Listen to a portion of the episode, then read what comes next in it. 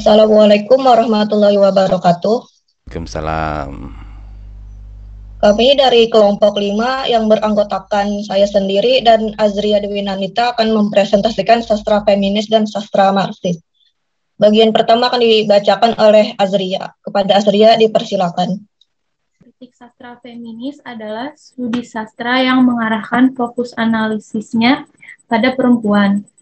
Diana Negara berpendapat bahwa kajian feminisme adalah salah satu kajian sastra yang mendasarkan pada pandangan feminisme yang menginginkan adanya keadilan dalam memandang eksistensi perempuan. Feminisme lahir dengan tujuan mencari keseimbangan antara laki-laki dengan perempuan. Feminisme merupakan gerakan perempuan untuk menolak sesuatu yang dimarginalisasikan, direndahkan, dinomorduakan, dan disubordinasikan oleh kebudayaan sosial baik dalam bidang publik maupun maupun bidang domestik. Dengan lahirnya gerakan feminisme ini, masyarakat mulai terbuka dan sadar akan kedudukan perempuan yang inferior. Contoh sastra feminis yang pertama ada Nyai Gowok, uh, ditulis oleh Budi Sarjono dan terbit pada tahun 2014. Nyai Gowok berkisah tentang perempuan yang bekerja sebagai gowok. Novel ini mengangkat kisah perjuangan kehidupan sang nyai yang bersinggungan dengan pekerjaan dan kehidupan sosialnya. Gowok sendiri merupakan sebutan untuk perempuan dalam kebudayaan Jawa yang disewa untuk mengajarkan perihal rumah tangga dan seksualitas kepada laki-laki berusia remaja yang belum menikah. Kemudian yang, ke yang kedua ada Raumanen. Raumanen ini bercerita tentang gadis cantik, pintar, dan independen yang jatuh hati pada seorang laki-laki. Cintanya tidak bertepuk sebelah tangan, tapi adat dan kesukuan menghalangi cinta mereka. Sehingga tokoh wanita yang bernama Manen memutuskan untuk bunuh diri. Yang ketiga ada Naila, karya Jenar Maesa Ayu. Karya ini cukup terkenal sebagai uh, salah satu no, salah satu novel yang mengisahkan peliknya perjalanan hidup seorang perempuan bernama Naila sejak ia kecil hingga tumbuh dewasa. Naila ini mengalami pelecehan seksual, krisis identitas, dan juga trust issue yang justru membentuknya menjadi sosok yang kuat. Kemudian ada Saman, diterbitkan pada tahun 1998 dan penulisnya bernama Ayu Utami. Saman merupakan novel yang mengusung tema seksualitas dari perspektif perempuan dengan latar pada masa Orde Baru, membuat Saman menjadi salah satu novel kontroversial pada zamannya. Kemudian yang terakhir ada Cantik Itu Luka. Novel ini berunsur realisme magis besutan Eka Kurniawan. Uh, Eka Kurniawan berhasil menghadirkan kisah yang sedikit dicampuri unsur supranatural dipadu dengan sejarah dan drama. Novel ini menghadirkan tokoh-tokoh perempuan dengan sisi feminismenya. Selanjutnya sastra Marxis akan dibacakan oleh Nur Azizah Faras. Pengertian sastra Marxis. Sastra Marxis adalah Marxisme adalah suatu paham yang berpegang teguh pada prinsip Karl Marx. Marxisme adalah suatu paham atau ideologi tentang kehidupan dan kepercayaan bahwa sosioekonomi merupakan penentunya. Kritik sastra Marxis adalah kritik sastra berdasarkan teori-teori teori sosialis dan dialektis. Kritik Marxis memandang karya-karya sastra sebagai cerminan-cerminan institusi-institusi sosial dari mana mereka berasal.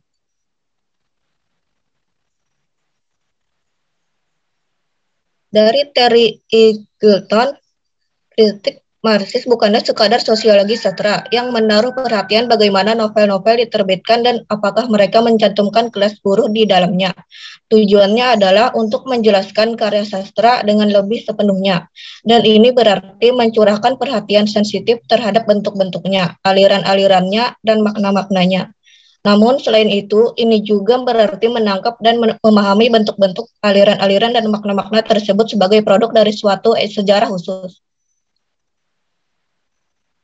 Contoh sastra Marxis adalah Kapital, Manifesto Komunis, dan Kubah.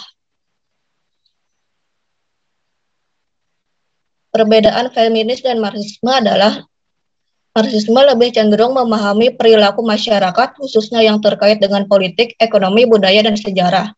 Sedangkan feminis mengungkap karya-karya penulis wanita masa lalu dan masa kini agar jelas citra wanita yang merasa tertekan oleh tradisi dominasi budaya vertikal harus terungkap secara jelas dan analisis.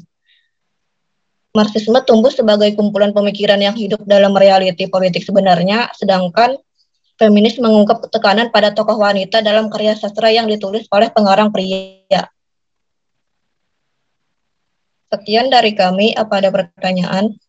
Ya, sebelum ke pertanyaan, tolong digeser lagi salindianya ke sebelum terima kasih. Ke halaman sebelum terima kasih. Uh, ya, ya di sini ya. Sini ada kesalahan tulis ya. Bukan budaya partikal, tapi budaya patriarkal. Bukan partikal ya patriarkal patriarki. Apa itu budaya patriarki? Ada yang bisa jawab? Ada yang tahu pernah dengar sebelumnya?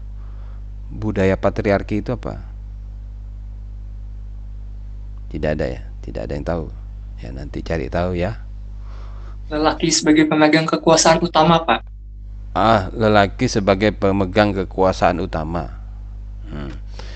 nilai-nilai hmm. dalam kebudayaan itu ditentukan oleh laki-laki. Laki-laki penentunya. Benar dan salah apa katanya laki-laki? Ya itu namanya budaya patriarki budaya yang menganggap laki-laki sebagai jenis kelamin yang penting di dalam kehidupan. Nah, itu yang dilawan oleh sastra feminis. Ya. Jadi kalau ada pertanyaan sebelumnya, ini estetikanya apa? Estetika perlawanan. Nah, ini estetika perlawanan, ini bukan estetika perdamaian. Contohnya tadi apa? Perempuan berkalung sorban. Berkalung bersumber nggak masuk sini. Itu contoh sastra feminis perempuan berkalung sorban. Itu menggambarkan konflik perempuan di dalam lingkungan pesantren. Ya nanti dibaca sendiri saya tidak mau berpendapat gitu silahkan baca sendiri nah perempuan ini Nah, untungnya kalau di sini kan di PBSI banyak perempuannya ya. Nah, perempuan di sini makanya FKIP ini kampusnya perempuan. Makanya war warnanya ungu ya kampusnya itu. Benderanya juga ungu. Tapi bukan perempuan yang seperti apa kira-kira yang ada di FKIP.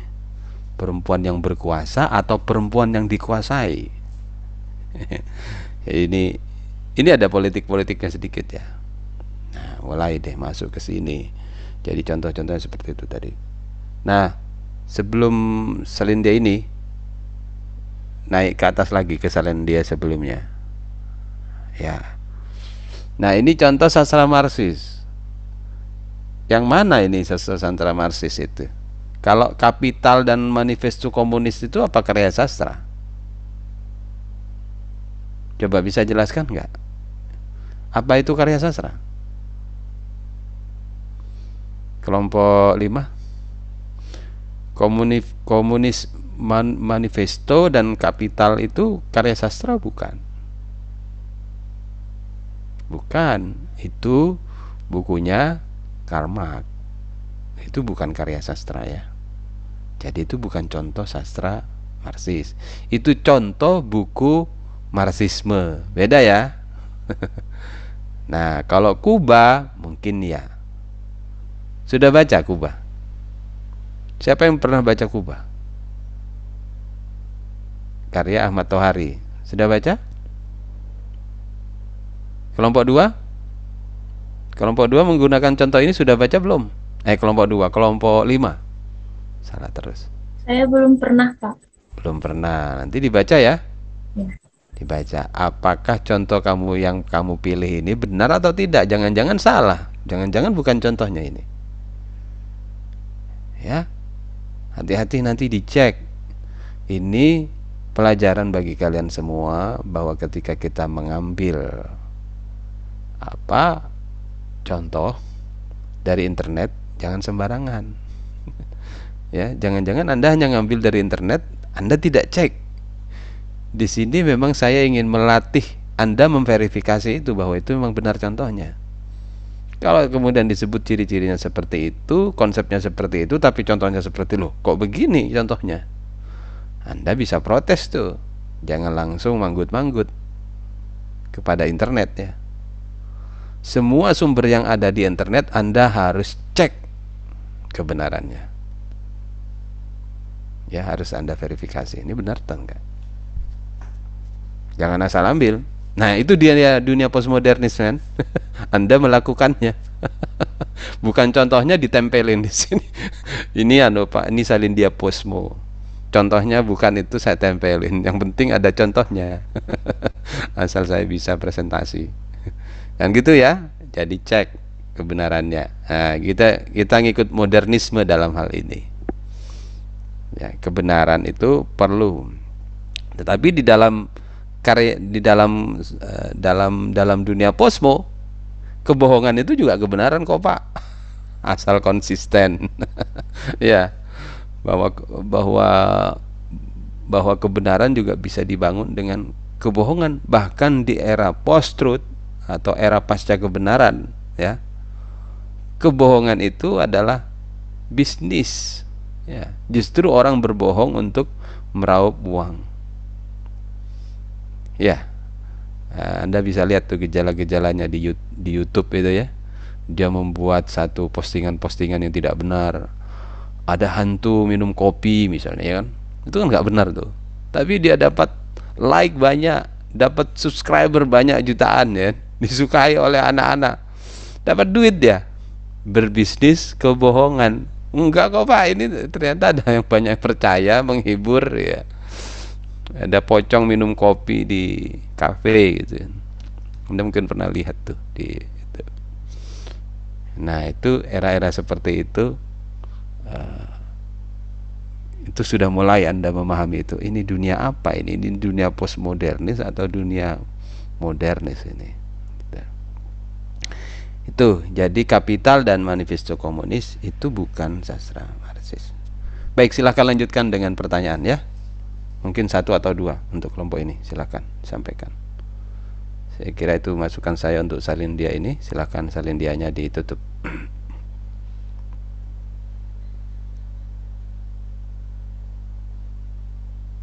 Silakan yang mau bertanya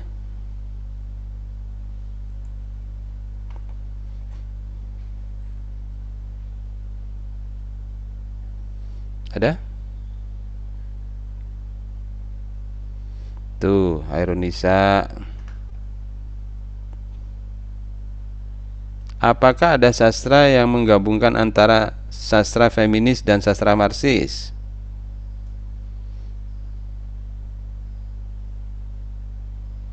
Tuh, bagus ya pertanyaannya Farah ini. Silahkan yang mau jawab. Boleh kelompok 5, boleh juga kelompok lain. Ini hanya cara anda menghadirkan diri secara kognitif dan sosial. Bukan hanya hadir secara administratif. Silahkan kalau mau menjawab siapa. Boleh kelompok ini atau juga boleh kelompok lain.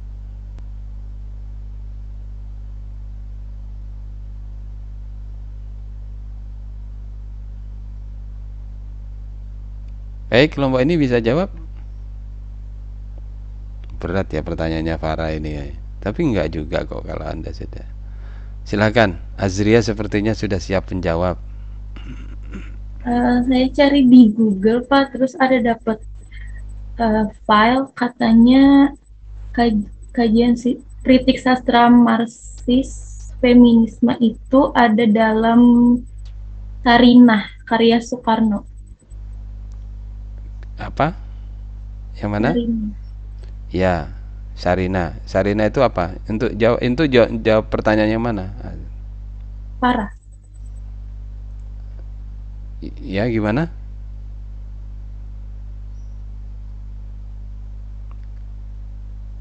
Itu contoh yang menggabungkan feminis dan marxis. Iya, Pak. Mengapa? Ada apa di situ? Mengapa itu yang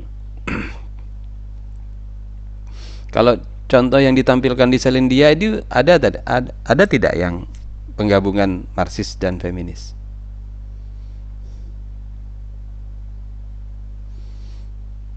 Nah, sekarang kamu bisa jawab dari dari ini dari ciri sastra feminis. Kalau sastra feminis kan estetika perjuangan berdasarkan apa? Dominasi Laki-laki. Gen gender Hmm. ya, dominasi gender, terutama laki-laki atau dominasi patriarki ya, budaya patriarki. Kalau sastra marxis apa? Itu estetikanya apa? Estetika perlawanan apa? Estetika perlawanannya apa? Kalau sastra marxis apa? Kelas estetika perlawanan kelas. Kelas tertindas melawan kelas menindas. Iya. Itu dalam konteks hubungan rela- relasi apa? Relasi kuasa, relasi pemilik kekuasaan yang dikuasai. Ya, bukan dominasi gender. Nah, kalau Anda menemukan fiksi yang memiliki ciri-ciri itu, maka itu adalah gabungan dari sastra, feminis dan marxis. Dalam Saman ada itu. Di dalam Saman, Saman itu uh, me, me apa? menggambarkan citra perlawanan perempuan terhadap laki-laki ya menggambarkan ada gambaran itu ya tapi juga di situ ada perlawanan kelas ya. Perlawanan kelas. Kelas tertindas melawan kelas penindas ya. misal eh, nanti itu ada kaitannya juga dengan sastra kolonial dan postkolonial ya. Eh, konfliknya itu konflik yang berbasis apa? Yang berbasis kelas sosial misalnya karyawan ditindas oleh majikan misalnya ya. Em, kalau kalian pernah membaca membaca karyanya Pram Gadis Pantai ya. Pernah baca karyanya Pram Gadis Pantai? Pramudia Nantatur. Itu novel Pramudia Nantatur. Gadis Pantai nanti coba cek tuh Gadis Pantai. Ceritanya apa jadi itu gabungan antara feminisme sastra feminis dan sastra marxis. Mengapa? Karena di situ tokoh perempuan yang bernama Gadis Pantai itu bukan hanya melawan laki-laki ya tapi dia juga melawan kelas priayi. Karena gadis pantai itu adalah orang miskin, orang pesisir yang dijadikan istri selir oleh raja. Paham ya? Nah, raja itu adalah kelas sosial, ya. Dan kebetulan rajanya laki-laki. Jadi gitu. Jadi dia bukan hanya melawan laki-laki tetapi juga melawan kelasnya si laki-laki. Laki-laki itu punya kelas. Kan laki-laki itu kan punya kelas ya. Ada laki-laki sebagai raja, ada laki-laki sebagai laki-laki kere. ya, atau laki-laki panglima ya, ada menteri, ada tukang sapu, itu kelas namanya. Anda pernah nonton Berbagi Suami? Siapa yang pernah nonton film Berbagi Suami? Enggak. Berbagi Berbagi Istri. Pernah nonton? Berbagi suami enggak? Berbagi pacar sudah pernah nonton? Saya enggak nonton semua ya. Coba tonton itu film Berbagi Suami. Itu menceritakan pengalaman orang poligami dalam kelas sosial yang berbeda. Nah, di situ ada gambaran-gambaran tentang perlawanan berbasis gender ya dan perlawanan berbasis kelas. Bagaimana poligami yang dilakukan oleh orang kaya bagaimana poligami yang dilakukan oleh orang biasa dan bagaimana poligami yang dilakukan oleh orang miskin. Jadi orang miskin ada yang poligami juga. Jadi film itu menceritakan pengalaman tiga poligami, berbagi suami judulnya. Siapa sutradaranya saya lupa. Tonton film itu nanti akan ada oh ini ya yang namanya estetika feminis. Oh ini yang namanya estetika marxis. Ya. Baik, ini hanya sekedar pengantar teori, nggak usah banyak-banyak. Nanti kita akan ketemu lagi di kritik sastra. Tapi jangan lupa semua yang jadi pertanyaan-pertanyaan dalam kelas ini Anda telusuri lebih jauh supaya semakin semester, semakin tambah semesternya, semakin berisi. Ya. Saya kira itu saja yang bisa saya sampaikan. Sampai ketemu lagi. Jangan lupa persiapkan diri untuk ujian tengah semester pada pertemuan yang akan datang. Assalamualaikum warahmatullahi wabarakatuh. Waalaikumsalam warahmatullahi wabarakatuh. Terima kasih Pak. Terima kasih Pak.